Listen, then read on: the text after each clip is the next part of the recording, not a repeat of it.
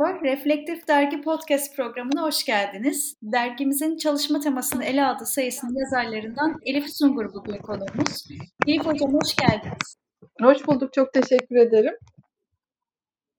Hocam derginin bu e, son sayısında iş deneyimi olmayan gençler için çalışmanın anlamı görgül bir araştırma başlıklı bir makaleniz oluyor.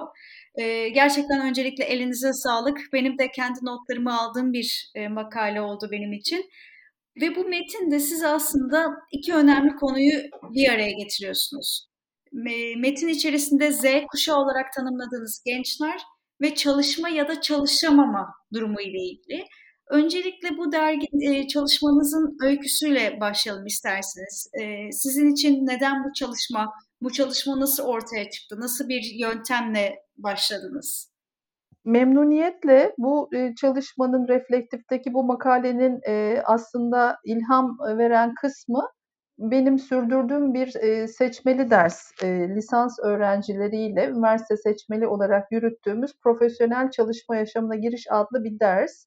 Orada öğrencilerle çalışma hayatının onlar için anlamını, çalışmanın onlar için anlamını konuşuyoruz ve öğrencilerimizi e, gelecekte çok kısa bir süre sonra girecekleri e, iş hayatına e, hazırlamaya çalışıyoruz.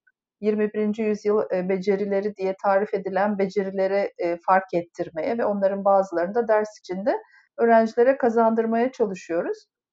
Bu derste öğrencilerle çalışma hakkında, çalışamama hakkında, çalışmanın getirdiği sonuçlar hakkında, çalışmanın mutlulukla ilişkisi hakkında konuşuyoruz. Ders içinde kullandığım bir boşluk doldurma aracı vardı benim. Dersi biraz daha zihinsel düzeyde geliştirebilmek için kullandığım, düşünmeyi arttırmak için kullandığım bir ders. Bu araç bir boşluk doldurma e, sorularından oluşuyor aslında. E, bir envanter gibi düşünebiliriz belki de. Öğrenciler serbestçe e, sorulmuş sorulara, e, soruların için ifadelerin içindeki daha doğrusu boşluklara kendi arzu ettikleri kavramları yerleştiriyorlar. Bu şekilde veriyi toplamış oldum aslında. Şöyle sorular var bu şeyde araçta kullandığımız araçta e, örneğin benim için e, iş nokta nokta anlamına gelir gibi sorular var. E, çalışma hayatında korkulan e, noktaları, e, çalışma hayatında e, çalışma hayatına girerken öğrencilerin hangi özelliklerine güvendiklerini, nasıl bir iş yapmak istediklerini, nasıl bir meslek hayatı düşlediklerini anlamaya çalışan bir soru formu. Ben de verimi bu soru formuyla topla, topladım. Daha sonra Reflektif dergisinin duyurusunu görünce çalışma, çalışamama konulu sayısının yayınlanacağını öğrenince öğrencilerden topladığım e, bu veriyi biraz daha zenginleştirmek için dışından e, tatil için ülkeye dönen öğrencilere de bu e, birkaç öğrenciye de bu aynı soru formunu uyguladım. Böylece hem e, ülkemizde lisans eğitimlerini sürdüren hem de birkaç tane de olsa yurt dışında da lisans eğitimlerini sürdüren öğrencilerden e, toplanmış bir e, verim olmuş oldu elimde. Daha sonra bu e, veri üzerinden çalışarak e, makaleyi hazırlamış oldum. Yöntem olarak da bu e, verileri bir nitel analiz programında e, kodladım e, ve e, analizlerini böyle yapmaya çalıştım. Tekrardan Kısaca... elinize sağlık hocam. Hı hı, evet. Bu arada çalışmanızda aslında e, katılımcıların sizin dediğiniz gibi yani boşluk doldurtmalar veriyorsunuz ve çalışmaya ya da çalışamamaya dair farklı yaklaşımları ortaya koyuluyor. Benim e, çok ilgimi çeken bir kısım vardı. Bir öğrenci insanlığı ileri götürmeyi çalışmanın anlamı olarak gördüğünü e, belirtiyor ve siz bundan bahsettiğiniz kısımda bir yandan da Nazım Hikmet'in Yaşamaya dair şiirine referans veriyorsunuz. Bütün bu bulguları değerlendirdiğinizde gençlerin çalışmayı nasıl anlamlandırdığını, gençlerin hayalleri ve amaçları ile çalışmayı nasıl ilişkilendirdiklerini ve tabii iş hayatındaki koşullara dair düşüncelerini bir de e, geleceği aslında hem bu çalışma hem de çalışamama durumu ışığında düşündüğümüzde nasıl tahayyül ettiklerini bizimle paylaşabilir misiniz? Benim 24 e, de, şeyim vardı, veri topladığım katılımcı olmuştu. E, onlara çalışmanın ne demek olduğunu sorduğum soruya bu gençlerden bir tanesi insanlığı ileri götürme diye bir yanıt vermiş. Öyle olunca ben de tabii Nazım Hikmet'in o Yaşamaya Dair adlı şiirini direkt olarak anımsadım. Çünkü o şiirde yaşamayı ciddiye alacaksın diyor ve e, bütün yapılan işlerde yüzünü bile görmediğin insanlar için e, çalışacaksın e, diyor ve bunu içten gelerek yapmaktan bahsediyor Nazım Hikmet bu şiirinde. E, çalışmanın ne demek olduğu konusunda bu, bu genç dışında diğer gençler aslında belki üçte biri diyebiliriz emek vermekten bahsediyorlar, var olmaktan bahsediyorlar. E, mutluluk ve fayda kavramlarından bahsediyorlar çalışmanın ne demek olduğu hakkında e, ve e, bir kısmı da aslında idealist bir bakış açısıyla bu çalışmanın anlamını yücelten bu öğrenci gibi insanlığı ileri götürmekten bahseden bu öğrenci gibi anlamlar yüklüyorlar aslında. bir kısmı da öğrencilerin bir üçte biri kadarı da çalışmanın anlamı hakkında çalışmanın getireceği sonuçlara odaklanmışlar. Onlar şöyle diyorlar örneğin işte üçte biri bu öğrencilerin çalışmanın anlamını e, para, kazanç, yükselme, e, başarı gibi e, amaç gibi e, ifadelerle e, veriyorlar. Bir kısmı da e, kendisi üzerindeki çalışmanın dönüştürücü etkisine odaklanarak ifade ediyor. Örneğin diyorlar ki kendime güvenimin gelmesidir benim için çalışma ya da kendimi ifade edebilmektir, gelişmektir, hayallerimin peşinden koşmaktır gibi nitelemelerde bulunuyorlar. Yani aslında üç grup e, diye düşünebiliriz. Ee, öğrenciler üçe buna göre neredeyse ayrılıyorlar. Yani kendi üstlerindeki dönüştürücü etkiyi e, ifade edenler, e, çalışmanın sonuçları açısından getirilerine e, odaklananlar ve bir kısmı da e, emek harcama ve çalışma durumu hayatın kendisidir diyen Hannah Arendt gibi onun felsefesine yakın değerlendirmelerde e, bulunan bir kısım da var. Yani emek vermek, var olmak, hayatla direkt ilişkilendiren gençler de var. Şimdi çalışma hayatındaki genel olarak başka araştırmalarda da gençler işin geçiciliğini öngörülüyor görüyorlar aslında. E, kendilerini işle çok tanımlamayan e, durumda olduklarını söylemek mümkün. Çalışmayla örneğin hobilerini, merak konularını e, aileye ve eğlenceye ayırdıkları zamanlardaki dengeyi arıyor şimdi e, bu dönemin gençleri, Z kuşağı dediğimiz gençler ve kişisel amaçlarını da aslında önceliyorlar. Bunu da söylemek e, mümkün. E, hayalleri ve amaçlarıyla ilişkilendirme açısından sizin de bu dikkatinizi çeken öğrencinin söylediği tabii insanlığı ileri götürme e, çok hoş bir e, ifade olarak e, kendini gösteriyor bir yandan da gençlerin çalışmanın amaçlarını, yararlarını sorguladıklarını da söylemek mümkün.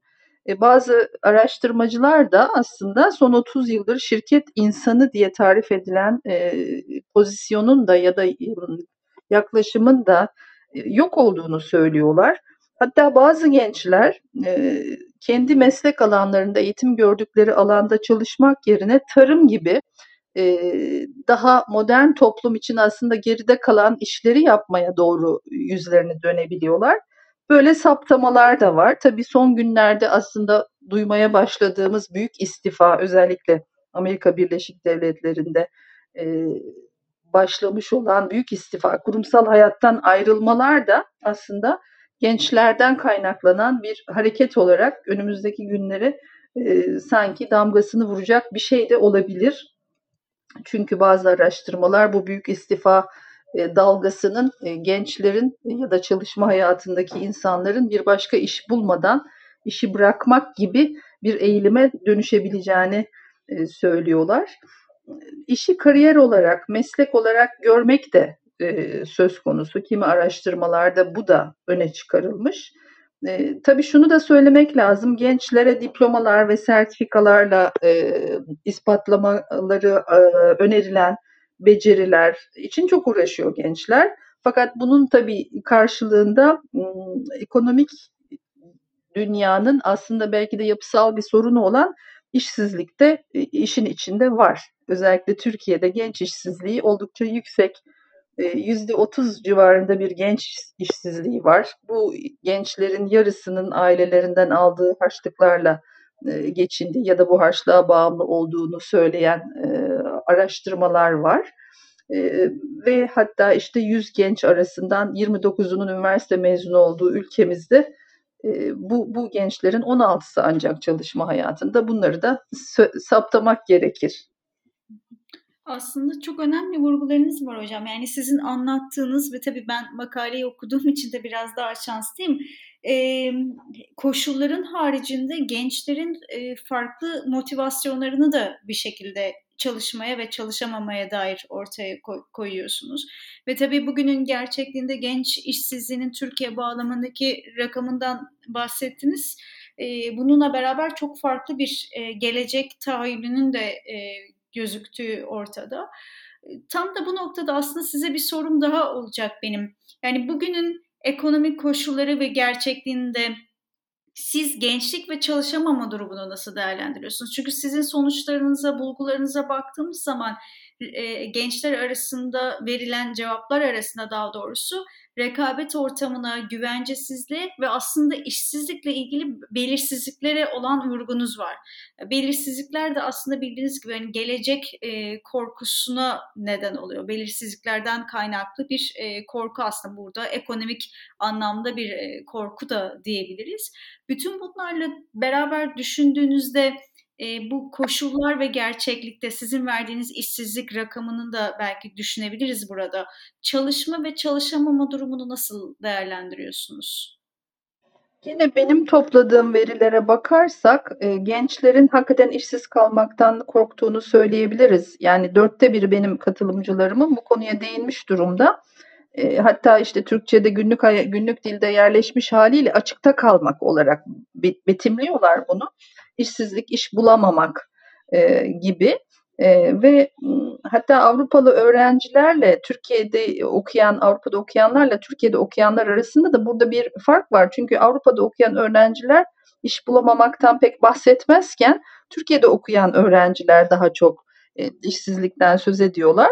E, eğitim gördükleri alanlar incelendiğinde de aslında ilginç bir sonuç var. Çünkü e, meslek kazandıran branşlarda okuyanların da işsiz işsiz kalmaktan ya da açıkta kalmaktan korktukları görülüyor. Örneğin psikolog ünvanı alacak öğrenci bile mezun olduğunda o, o, o bile işsiz kalmaktan korkuyor. Bu enteresan bir şey, dikkat çekici bir şey. E, işsizlikle ilgili örneğin e, eğitimini aldığı alanda bir e, iş yapamamaktan korkanlar da var. E, örneğin işte bir oyunculuk öğrencisi oyunculuk yapamamaktan korkarken iktisat alanında eğitim alan bir öğrenci de çalışmak istediğim meslek grubunda çalışamamaktan korkarım diyebiliyor. Ya da bir başka e, öğrenci yine hayalimin altında bir iş yapmak zorunda kalmaktan e, bahsediyor. Bunlar da belki de gizli işsizlik diyebileceğimiz türde bir şeye de dikkat çekiyor yani branşlaştıkları konuda, hayalini kurdukları konuda bir iş bulamamaktan ya da kendileri için uygun gördükleri düzeyde ve ünvanda bir iş yapamamaktan da aslında bahsetmiş oluyorlar.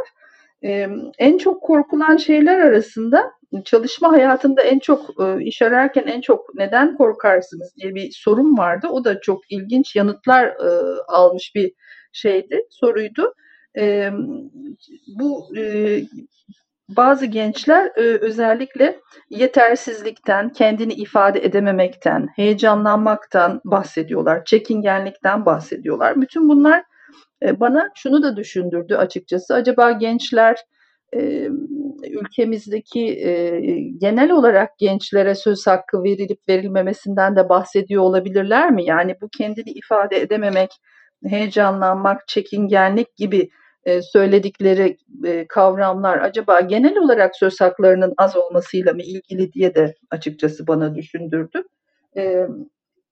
Dolayısıyla bunlar da enteresan aslında.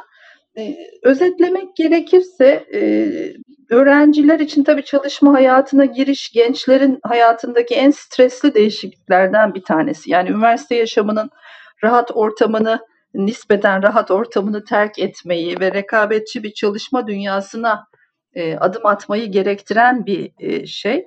Ve tabii ki Türkiye'de Türkiye'deki Türkiye'deki yapısal ekonomik olarak yapısal bir genç işsizliği olduğunu ve yüksek bir rekabet ortamının yarattığı e, belirsizliklerin de baskısını düşünürsek e, işsizlikten ve açıkta kalmaktan e, korkan gençleri rahatlıkla anlayabiliyoruz. E, hatta işsizlik diğer birçok bir araştırmada da aslında tabii gençlerin korktuğu bir şey. E, başka bir özetlemek gereken kısım varsa ümitle ilgili de şeyler söylememiz lazım. Çalışmayı işle, e, huzurla, mutlulukla, başarıyla ilişkilendiriyor benim araştırmamda gençler. E, bunlar da e, aslında iyi bir şey bekliyor olduklarını ya da iyi bir şey hala umuyor olduklarını görmek açısından son derece güzel. E, gençler olumlu bir anlam hala yüklüyorlar aslında çalışmaya ya da işe. Ee, örneğin özverili çalışmaktan bahsettiğimiz bir şey vardı. Özverili çalışmanın anlamını sorduğumuz bir e, boşluk doldurma sorumuz vardı. Orada e, genel olarak e, aslında e, her şeyini vermek dahi diyen gençler var aslında çalışmaya. E, bu da ilginç sonuçlardan bir tanesi. E, aşağı yukarı böyle söyleyebilirim aslında sizin e, kullandığınız o açıkta kalma kavramı bu bütün gençlerin çalışma meselesinde önemli bir e, vurgusu özellikle söz konusu belirsizlik olduğunda bir de sizin son e, bahsettiğiniz hocam aslında bu gençlerin çalışmayı nasıl değerlendirdiği, nasıl tanımladığı orada aslında bir ümit, bir umuttan da bahsediyorsunuz. Bu da bana biraz şeyi düşündürdü. Çalışma ve çalışmama arasındaki farkı yani öğrencilerin nasıl değerlendirdiği, nasıl bir anlatıya sahip olduğu anlatı şey çalışma ve çalışamama halinde. Çünkü çalışamama halinde gençlerin hayalleri ve çalışamama durumu arasında bir e, boşluk gözükürken bir yandan o ihtiyaçlarla beraber de tabii e, öbür yandan da hala e, çalışmaya dair daha olumlu bir değerlendirmeleri de e, görüyoruz. Bu da biraz tabii koşulların altını çiziyor sanırım. Elif Hocam bu e, bize zaman ayırdığınız için ve keyifli sohbetiniz için çok teşekkür ederiz. Ben de size çok teşekkür ederim. Reflektif Davetiniz için. Çok teşekkür ederiz hocam. Reflektif Dergi'nin bu programını sona erdiriyoruz. E, makalelere ulaşmak isteyenlere tüm sayıların, makalelerin erişiminin web sitesinde açık olduğunu da hatırlatmak isterim. Herkese iyi günler dileriz. İyi günler.